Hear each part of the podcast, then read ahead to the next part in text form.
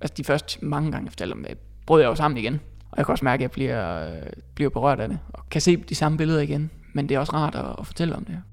Frederik Møller har fortalt sin historie til familie og venner. Også til holdkammerater og andre i fodboldmiljøet. Men han har holdt den hemmelig for den brede offentlighed. Indtil nu.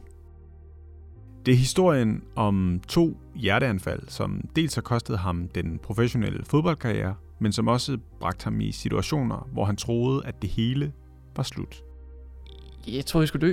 Det var en, det var en kæmpe frygt. Og lige pludselig en, et kapitel i en bog, som jeg aldrig nogensinde har brugt et sekund på at tænke på.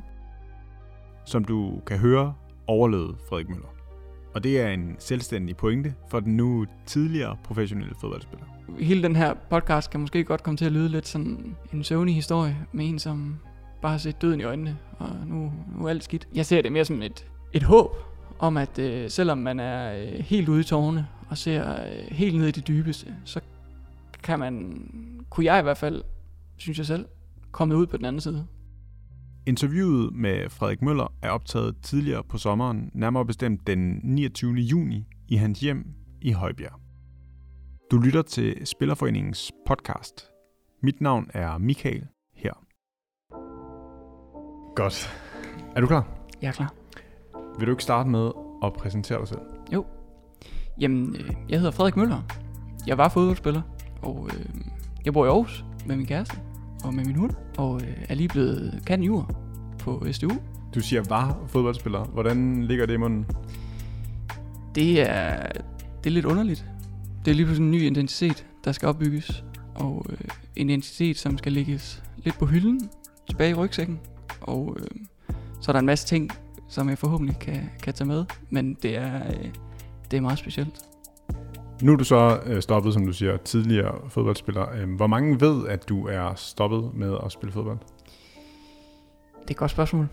Jeg har ikke, jeg har fortalt det til mine venner og familie, af naturlige årsager.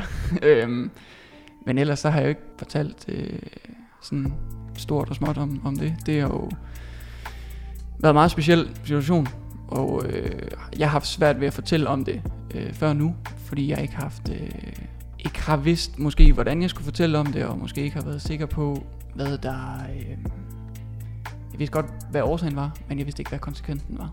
Der er jeg nødt til at have styr på, hvad konsekvenserne var, for at jeg kunne øh, begynde at fortælle om det. Har du fået styr på det så? Ja. Det håber jeg, eller det har jeg, så vidt jeg kan.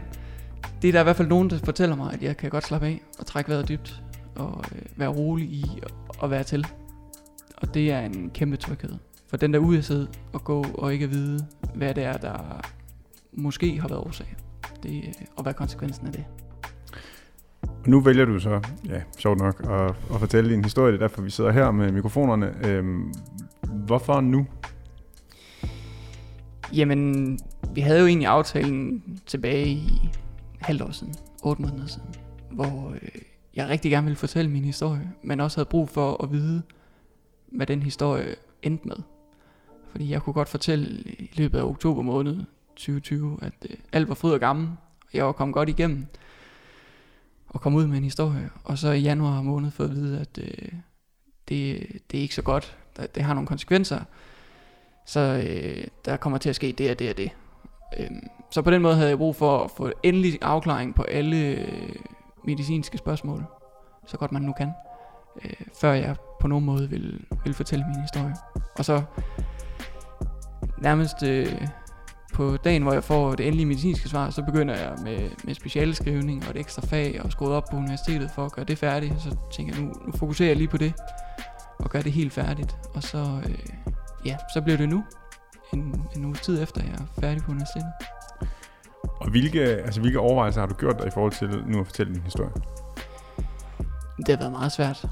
Både hvor, hvor dybt i historien jeg har lyst til at fortælle omkring den, den personlige side af det. Øh, både det, det fysiologiske, medicinske, og også øh, hvad der sker inde i, inde i kasketten. Fordi det er, øh, det er ret vildt, hvilke hjørner man lige pludselig kommer ud i, som jeg aldrig har prøvet at være i. Så det, det har været... Øh, det har været nogle dybe tanker, og også snakke med, med familie om, hvad, hvad har jeg måske også behov for at komme ud med, og hvad er det måske omverdenen har lyst til at høre, og så er det jo ligesom at finde et, et mix mellem det, fordi jeg skal ikke fortælle det her for, at, øh, at der er nogle andre, der, der har brug for at høre det. Det, det er lige så meget min, min historie. Hvorfor har du behov for at fortælle din historie? Jeg kan mærke, hver gang jeg fortæller den, og hver gang, at jeg snakker med nye mennesker om det, så giver det en større ro. Og det er et værktøj, jeg fik igennem psykologerne, jeg, eller psykologen, øh, jeg har snakket med, som er rigtig givende. Altså, det, det, det første gang, jeg skulle fortælle det, altså, det, det blev noget værd råd, og det var, noget, øh, det var hårdt. Og det bliver nemmere og nemmere, og jeg finder nye nuancer og nye tanker, og hver gang. Så det er, øh, det er rart. Og så er det måske også nået til et punkt, at det måske også er rart, at hver gang jeg møder et nyt menneske, eller en, som er bekendt, eller sådan, som spørger en, Nå, hvor spiller du nu? Ja, nu skal du høre, der er sket det, det, det, det. Så er det måske også et godt tidspunkt nu, at det ligesom kommer ud, så folk ligesom har en, en idé om, hvad det er, der er sket. Og det bringer os efter et måske lidt langt tilløb til Frederik Møllers første hjerteanfald. På grund af corona, så har vi jo fået forlænget vores kontrakter en måned, og øh, jeg tror, jeg har vel holdt 14 dage sommerferie. Og skal faktisk øh, hjem fra stranden, fordi jeg skal hjem og klæde om, så jeg kan komme ud og løbe og holde mig i gang. Og på vej hjem, så, ja, så får jeg lige pludselig øh, hjertemanken. Og det bliver ved, og det bliver ved. Og jeg får kæmpet mig ind i bilen, og får mig sat, og får lige trukket vejret, men det bliver bare ved. Og kæmper med at holde mig vågen med en puls på 230, så kan jeg jo godt regne ud, at det ikke, det er ikke super godt. Så vi får ringet 112, og øh, får at vide, at der kommer en ambulance om 45 minutter. Jeg tænker, det er okay.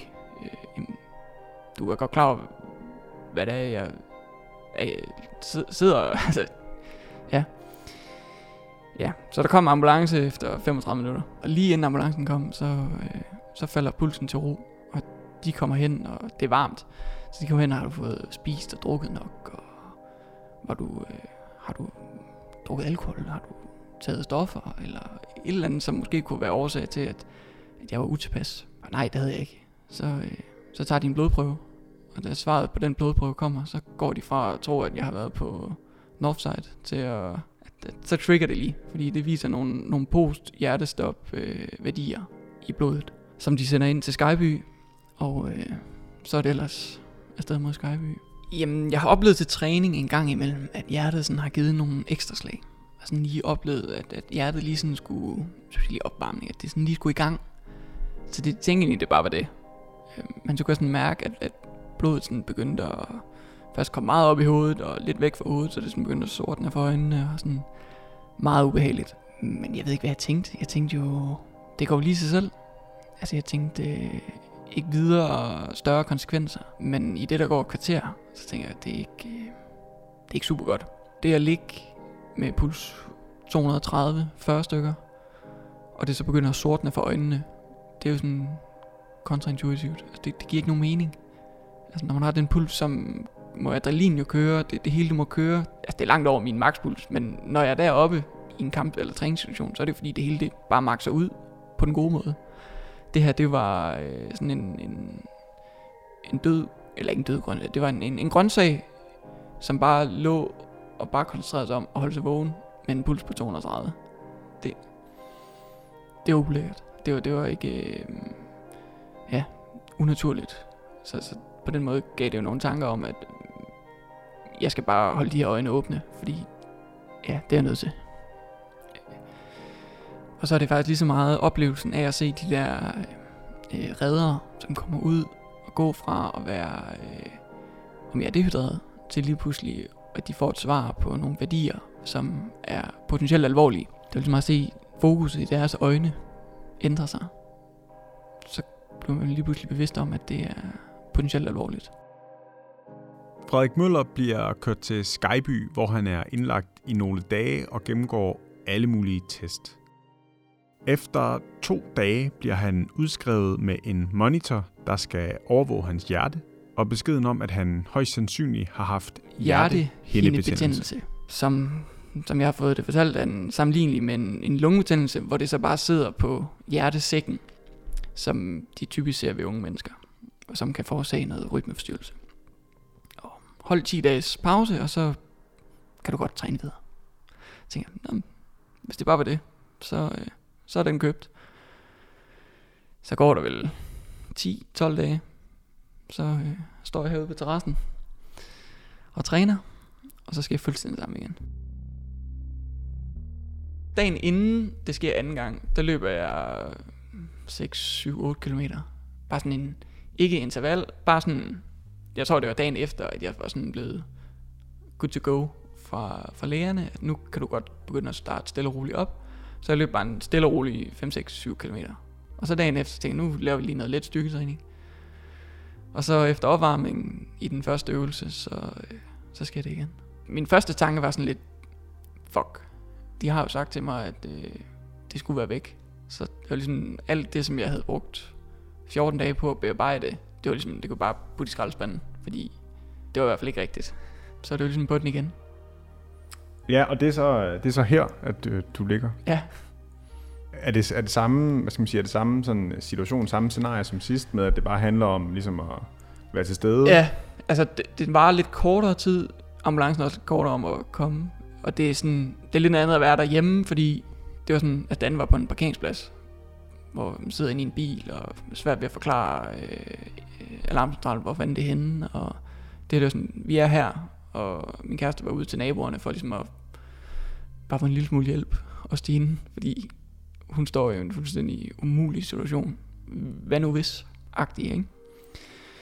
Men det samme scenarie, fuldstændig det samme øh, med hjertet, med pulsen, med begynder at sortne for øjnene, fokus på bare at være så klar som muligt, selvom man egentlig har lyst til bare at lukke øjnene og slappe helt af. Men anden gang var sådan lidt en tryghed i, at jeg vidste, at det bare var gået i sig selv første gang. Det forventede jeg anden, eller håbede jeg på, at anden gang også ville ske. Så på den måde var anden gang måske en, ikke så, øh, det var ikke nyt.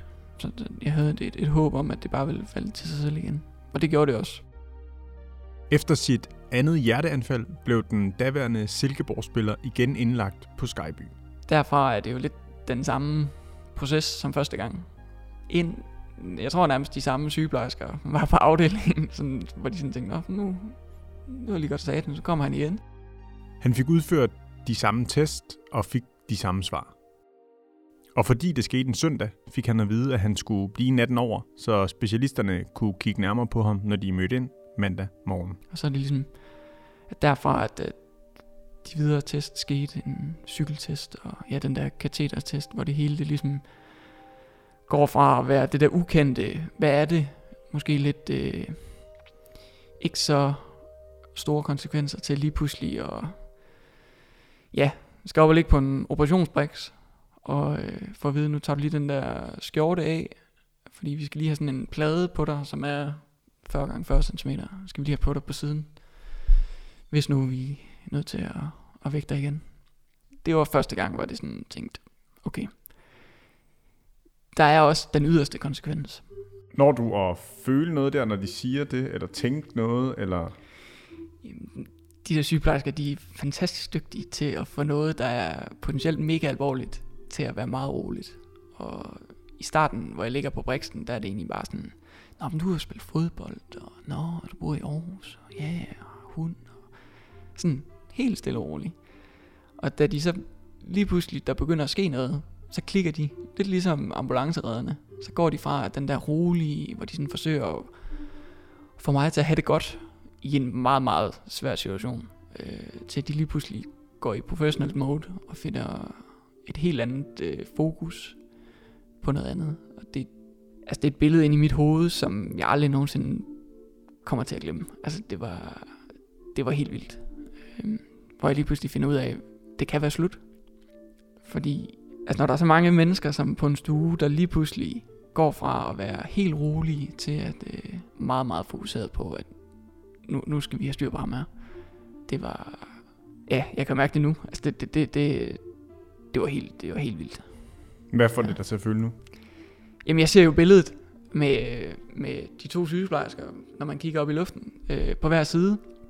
Og jeg ved, der er en læge ude bag øh, en computer, som ligesom forsøger at styre mit hjerte, og forsøger at, at trick det.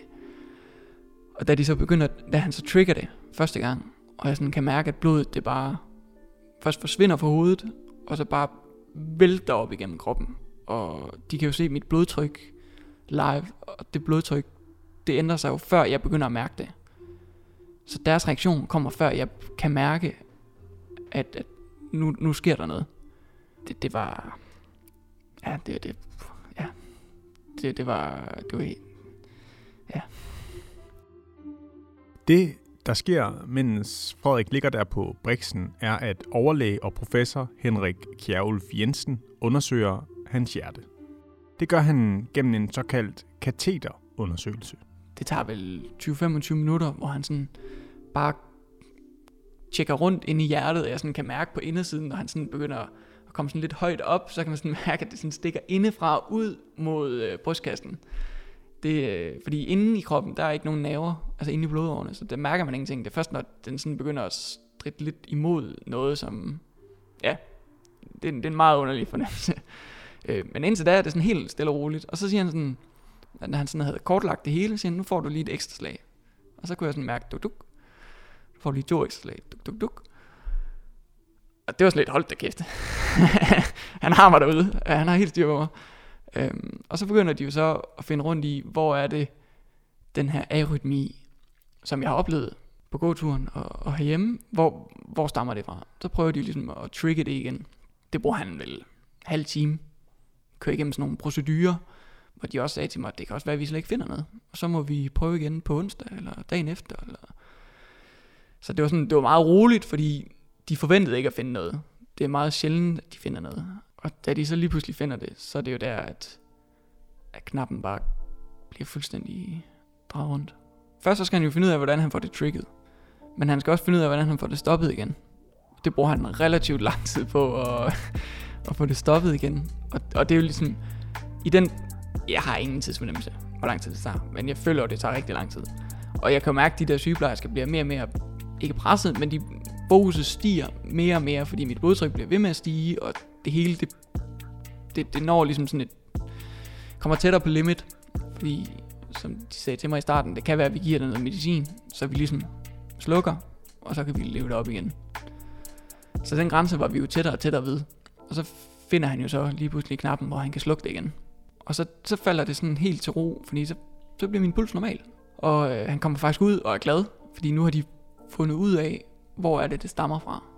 Som var sådan lidt uventet. Det, det, det er ikke altid, de gør det. Og det er, sådan, det er en god ting, at de finder ud af det. Men at han jo gerne lige vil være sikker på, at det er der. Og han vil også gerne lige have en kollega med ind for at se, er det nu det? Øh, og er, hvordan er det, det reagerer, og værdierne, alle de her ting. Så han gør det egentlig to gange mere, for at være helt sikker på, at, øh, at det er der. Og det, det, er sådan, det er mere kontrolleret, fordi der kan de ligesom forberede, nu, nu sker det, og så kan de slukke det igen, inden det ja, udvikler sig. Og så bagefter, så, øh, hvor det virkelig går op for mig, det er, at han kommer ind og øh, fortæller, at øh, det her, det, det skal vi have fikset. Og øh, det, det skal vi have gjort rimelig hurtigt. Og det, det bliver sådan, det lige pludselig bliver øh, ikke super urgent, men at det er ikke noget, vi bare lige kan planlægge en tid til om 14 dage. Der vælter min verden fuldstændig.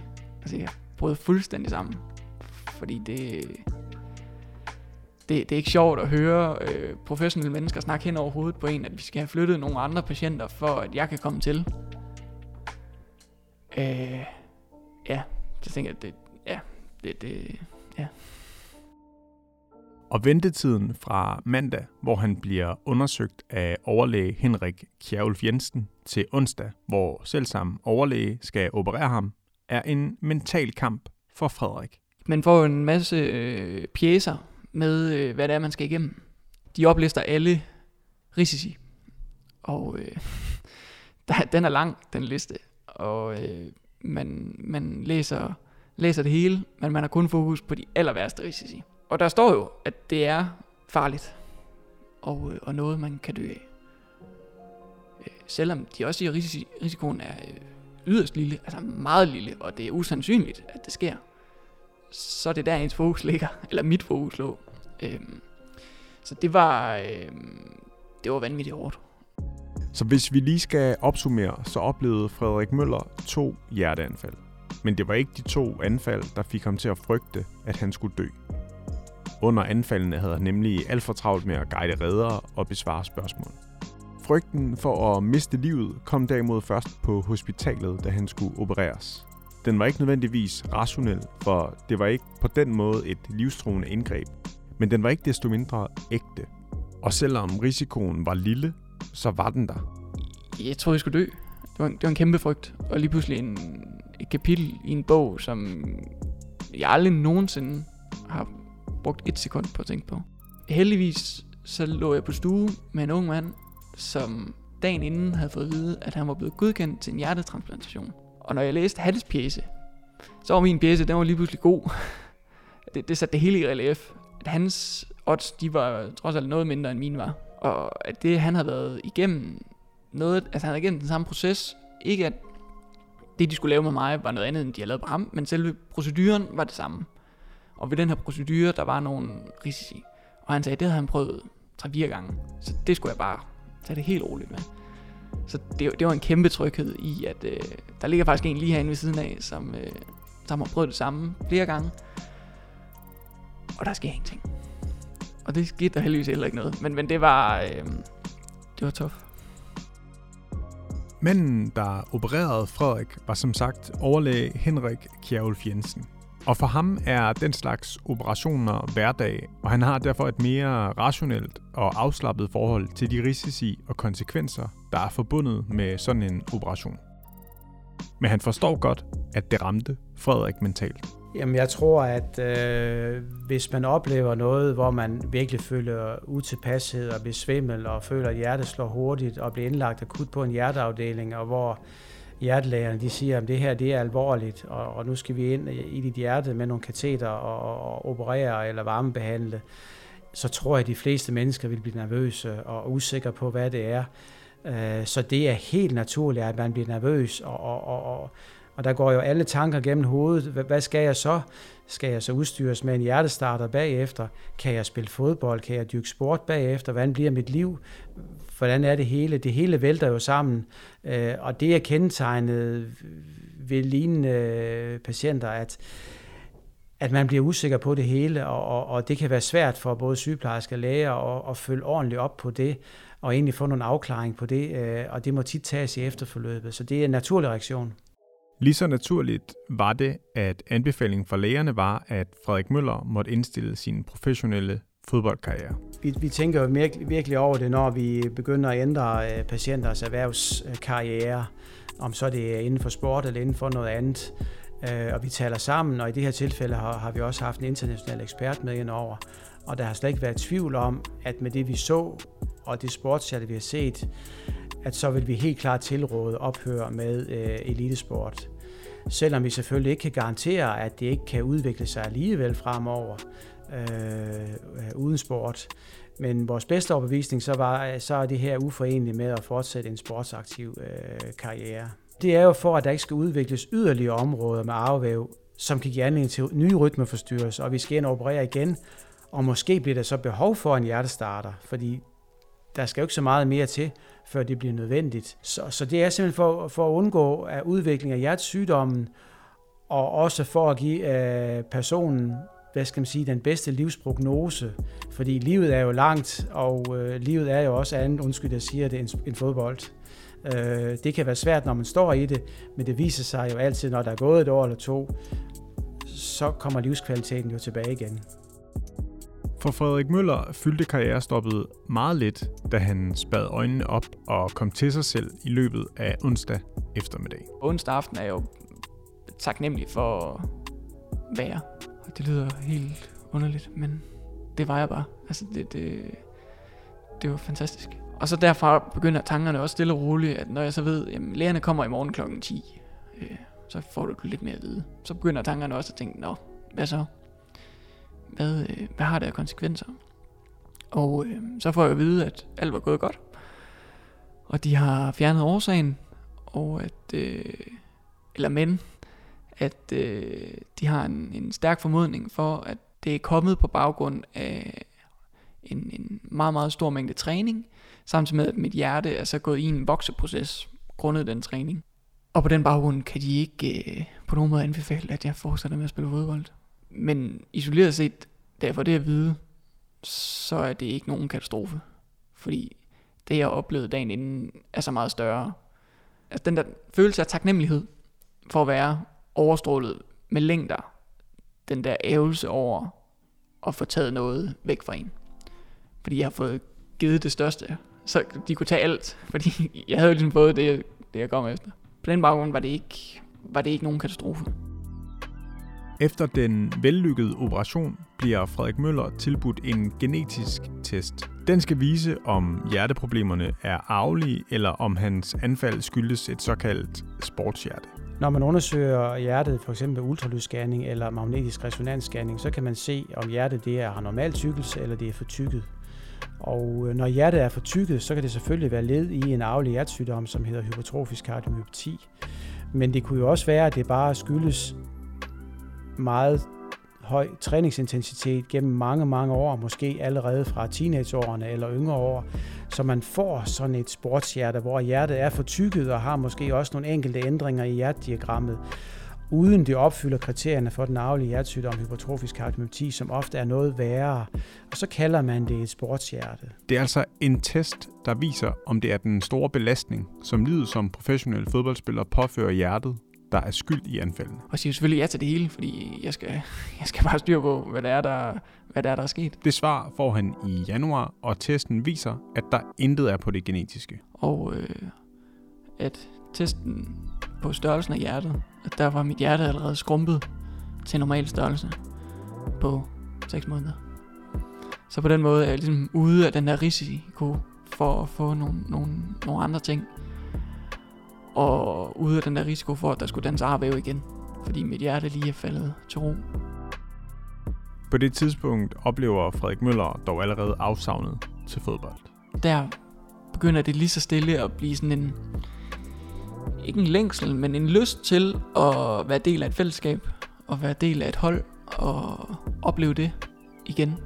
Det, det savnede jeg, og savner jeg stadig. Det er fantastisk. Så på den måde er det jo, er det jo noget af det, som jeg skal finde et andet sted i en hverdag, hvor, eller noget andet i en hverdag, der kan give mig noget tilsvarende. Uden at det på noget, altså det bliver aldrig 100%, men, øh, men noget i, i den dur. Det er vel sådan en halv års tid, og så er det jo sådan noget, der sådan bluser op stille og roligt. Eller sådan en gang imellem. Åh, oh, nu kunne jeg godt have lyst til at bare gå ud og spille, eller tage til træning, eller ja, vinde. Det, øh, det kan også noget.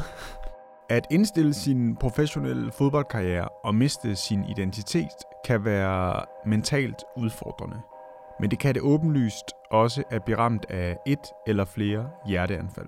Allerede efter første anfald, der tager jeg fat i øh, Thomas Lindrup og, og siger, at øh, jeg var udsat for det her. Jeg ved ikke, hvad konsekvenserne er. Jeg har fået det her at vide, men jeg ved, at jeg har det her tilbud.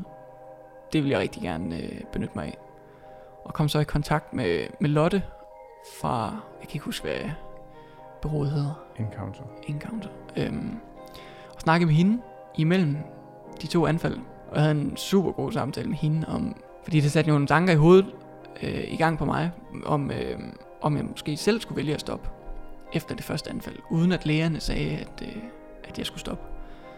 Og jeg havde nogle tanker om, at øh, det også var svært at, øh, ja, at tage et aktivt valg omkring det, og hvordan jeg øh, måske ikke havde lyst til at gå ud og give den fuld gas på en løbetur eller til en træning, efter det, det var sket, fordi hvad nu hvis? Jeg fik nogle værktøjer til at, at få, det, øh, få det bearbejdet. Og man kan sige, i det jeg dagen efter havde fået grønt lys til at løbe en tur, gå ud og løbe en tur, så, så virkede det jo ret godt med at få, få det bearbejdet, og var egentlig klar på, at, at øh, det var det. Jeg skal bare så videre. Så det, det, var, det var rart. Og ja, så sker det andet jo. Andet anfald. Og så øh, har jeg vel været i kontakt med Lotte i hele efteråret. Sådan løbende. Og øh, har altid haft mulighed for, for at skrive eller ringe, eller hvis der var noget. Og det har været, øh, det har været en meget, meget stor hjælp. At få nogle, nogle, nogle gode værktøjer til at, øh, at snakke om det, og øh, få nogle værktøjer til at lægge en dagligdag på at den her balance mellem, at hvis man har en travl hverdag, så har man ikke så meget tid til at tænke på, på det, der er sket. Og det, det kan være godt, men hvis du bare høvler øh, aftaler ind i en hverdag, så, øh, så på et eller andet tidspunkt, så indhenter det dig. Og så kommer tankerne bare sådan bullerne, og så, øh, så vil det måske være svært at håndtere. Og hvis man kan finde en balance mellem have dage, hvor man, eller hvor jeg havde planer, ikke fra væg til væg, men havde noget at se til, havde noget at stå op til, og andre dage, hvor jeg også havde tid til at, at reflektere, tænke, snakke, samtale om, hvad det var, der var sket, hvad er det, der skal ske. Det var det er en meget, meget stor hjælp. Og så det sjove er, at på et karrierestop øh, seminar, der havde jeg faktisk en psykologsamtale. Og det var så med Lotte, og det er vel et år halvandet før det her det sker. Så uden at vi kendte hinanden, så havde hun, vi havde set hinanden før, og havde en relation, selvom den er jo meget, meget begrænset, men det er bare det med, at man ser folk anden gang, det, det gør noget. Så det, det, det var en god oplevelse. Det var bare sådan en lang periode, hvor jeg ikke ville låse døren, hvis jeg var alene hjemme. Og også en lang periode, hvor jeg ikke havde lyst til at øh, gå ud i skoven. Lige pludselig kommer man til at kigge på, hvor der er en asfaltvej. Fordi hvor kan ambulancen køre ind? Det var, sådan, det var en proces, som øh, tog et par måneder om at sådan lige så stille, så prøve at låse døren. To timer. øh, ja, det var sådan, det var en, også en proces at komme hjem. Det der med at ikke til nogen steder uden sin telefon. Fordi det er altid godt at kunne, kunne ringe til nogen, hvis der, hvis der skulle ske noget. Så på den måde har, har det jo haft nogle konsekvenser, men det er ikke nogen, jeg sådan, synes er en begrænsning. På nogen måde overhovedet. Også fordi i dag, jeg vil ikke have noget som helst problem med at, at gå en tur på stranden. Og jeg har også gået den samme tur, som det skete første gang, øh, og gået op ad den samme bakke. Så på den måde er det ikke, øh, har jeg sådan, synes jeg selv kommet ret godt øh, igennem, det, igennem det forløb, selvom ja, det, det, det var jo det var lidt underligt, ikke Og sådan ubevidst, bevidst, ikke at låse døren, fordi det, det var nok rart nok, der var nogen, der kunne komme ind. Jeg kan godt mærke, altså du kan mærke allerede, da jeg skulle spørge dig, og nu nævnte du heldigvis selv psykolog først, men det er sådan, også når man skal spørge ind til det, så er det sådan lidt, du ved, man træder lidt varsom frem. Mm. Var, det, var, det, var det svært for dig at komme til en erkendelse, eller var det en fuldstændig no-brainer, at du skulle selvfølgelig tale med nogen om det? Øhm, allerede ved det der karrierestop-seminar, så havde vi jo mulighed for at vælge to ud af tre tilbud. Og det var en psykolog, coaching og... Jeg kan ikke huske den tredje. Men jeg valgte i hvert fald psykolog til. Så det var egentlig naturligt for mig at tage det valg. Det var ikke, det var ikke nogen svær erkendelse at komme til. Det lå... Øh, ja, det var en no-brainer. Ja, det er bare, nu snakker vi om klichéer før, ikke? Altså der er fodboldverdenen er også, bliver også sådan meget... Måske Ja, macho og- Ja, lige præcis. Ja. Hele det der spor, ikke? Helt sikkert. Men det tror jeg også, det, det kan jeg også mærke, at fra, bare fra da jeg startede til jeg sluttede, så der var sket noget. Det behøver ikke at være så, øh, så facade, og det er okay at komme, komme lidt ind bagved, fordi det er mennesker. Det er ikke robotter. Det tror jeg også, folk lige så stille, som kigger ind, har fået en, en større forståelse for, at, øh, at man er nødt til at være et godt sted, før man kan præstere max. Man kan ikke bare, det er ikke bare, putter ikke bare et stik i, og så er der strøm, og så når vi så skal spille hive stik ud, og så er bare afsted. Så fungerer det ikke. Og det er der også flere spillere, og sådan hele miljøet er mere bevidste om, og benytter sig af de muligheder, der er omkring, øh, omkring hele det øh, segment. En anden mulighed, du som professionel fodboldspiller har som medlem af Spillerforeningen, er, at du kan få hjælp til at køre dine forsikringssager. En hjælp, Frederik også har benyttet sig af. Det har jo været en, en stor, stor hjælp, fordi der, der er nogen, der er lidt dygtigere til at kigge ind i det, end, end jeg er, og er vant til at, at arbejde med de ting. Så det var en, en, en stor hjælp at få, øh, få ligesom få lagt det til side. Det er rart, at der er nogen, der tager hånd om det, og så er det rart at få en afklaring. Og om det så er det til det ene eller det andet udfald, det øh, selvfølgelig vil man gerne have, at ens sag bliver anerkendt, men også nogle gange med at bare få en afklaring om, at øh, nu, nu er den lukket, så man, så man ikke skal bruge energi og tid på det. Ja, så sidder der jo nogen, som gør det der, jeg ved ikke hvor mange gange. Ja, jeg har været Øh. igennem den proces masser af gange, og ved, øh, hvad man skal og hvad man ikke skal, og hvornår man lige skal slå koldt vand i blodet og sige, nu, nu, går der god, nu går der lang tid, før der sker noget mere. Tag det roligt. Du får først noget at vide om to måneder. Så kan man ligesom sige, okay, i hvert fald de næste seks uger, så slapper jeg af. Så kan jeg begynde at få fluer i hovedet de sidste to uger op til, øh, i stedet for at have fluer i hovedet i, i to måneder. Nogle af forsikringssagerne er afsluttet, mens andre kører videre. På den måde har fodboldverdenen stadig sit tag i Frederik Møller. Alligevel føler han, at fodboldkarrieren ligger bag ham. Og det er veldokumenteret, at det kan være forbundet med mentale udfordringer at indstille sin professionelle fodboldkarriere. Noget Frederik Møller genkender. Jamen, det oplevede jeg, da jeg skulle præsentere mig selv. Det, det tror jeg faktisk er... Det er jo der, jeg sådan... Man oplever det først, hvis man møder nye mennesker. Hvor hvis, man, hvis jeg mødte et nyt menneske for et år siden, han hvad laver du? Jeg spiller fodbold. Nå, okay. så er man allerede, så har man sådan et, et billede af, hvem er vedkommende, og hvad laver vedkommende. Selvom fodboldspillere, der er også mange forskellige typer mennesker inden for den. Øhm, så det, det er nok mere, identiteten betyder meget på, hvem man er, eller hvem jeg er. Og jeg tror også nu, når mit studie nu er færdigt, så kan jeg jo heller ikke kalde mig studerende længere. Øhm, som jeg måske har brugt i den her mellem øhm, hvor det kan godt være, det er først nu, at jeg begynder at, at kigge mere ind i, hvem er jeg? Øh, men så har jeg gang i nogle andre gode projekter, som jeg satser på, at det, det måske kan give en identitet og bygge en identitet omkring det. I starten af udsendelsen sagde Frederik, at han har fået styr på konsekvenserne og hvem bedre end overlæge Henrik Kjærulf Jensen til at forklare, hvad konsekvenserne egentlig er? Der er jo nogle former, øh, som er, øh, kan være endnu mere alvorlige, end det vi har set hos Frederik. Øh, og øh, det er jo så de former, vi ligesom læner os lidt op ad. Og, og, og typisk der, så siger vi jo, at ophør med høj intensitetssport, det betyder ikke, at man ikke må dyrke sport øh, i et vist omfang øh, for at holde sig øh, sund. Øh, men det handler om, at vi så siger, at øh, det er en makspuls på 130 per minut. Øh, og det må man så med pulsur ligesom finde ud af.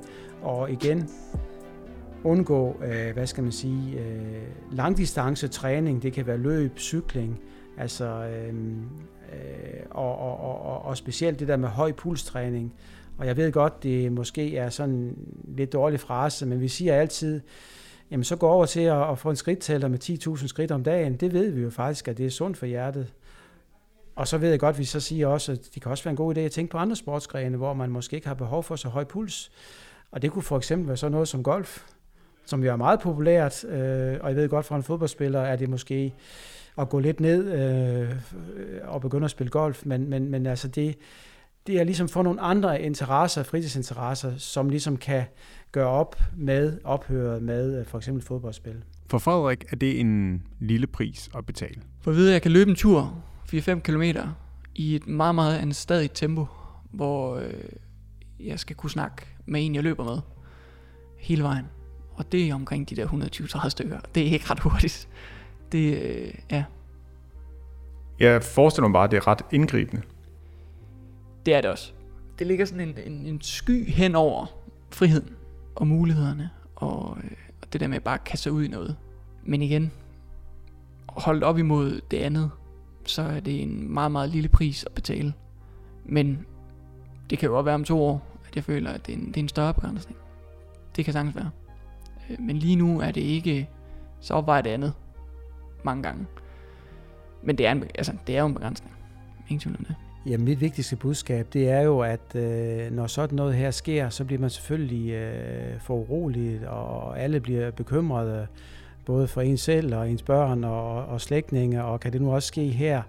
Men vi skal også tænke på, at dem det sker for, at øh, der er et liv efter det her, og, og, og bliver man vellykket genoplevet, så er der et liv også, også efter, at man eventuelt skulle stoppe med en sportskarriere. Der er et langt, langt liv bagefter med, med en masse indhold, og det vil jeg gerne være med til at få folk øh, på rette kurs igen. Budskabet om, at der er et liv bagefter et hjerteanfald, og i det her tilfælde også et karrierestop, er et budskab, Frederik også gerne vil have ud. Han har faktisk allerede taget hul på sit nye liv. En position, han har bragt sig selv i, fordi han har uddannet sig, mens han udlevede drømmen som professionel fodboldspiller. Jeg har taget en, en jurauddannelse, uden at være til en undervisningsteam. Købt nogle bøger hjem, set noget undervisning online. Ja, gået til nogle eksamener. Og så ni år efter, så er jeg færdig. Det er en, det er en kæmpe forløsning. Det har været sådan, sidste år har været sådan en transit. At øh, meningen var først, at jeg skulle være færdig på jurastudiet i 22, måske 23. Men nu skete der jo det her. Så skruede jeg jo op for studiet, for at blive færdig. Så det har jeg jo haft fuld fokus på. Så ligesom for en uge siden, der øh, var første dag uden nogen, der havde lagt planer for mig. Så det var øh, i, ja, hele mit voksenliv. Så det, øh, det er ret vildt. Og det, jeg glæder mig bare til, hvad, hvad fremtiden den øh, bringer.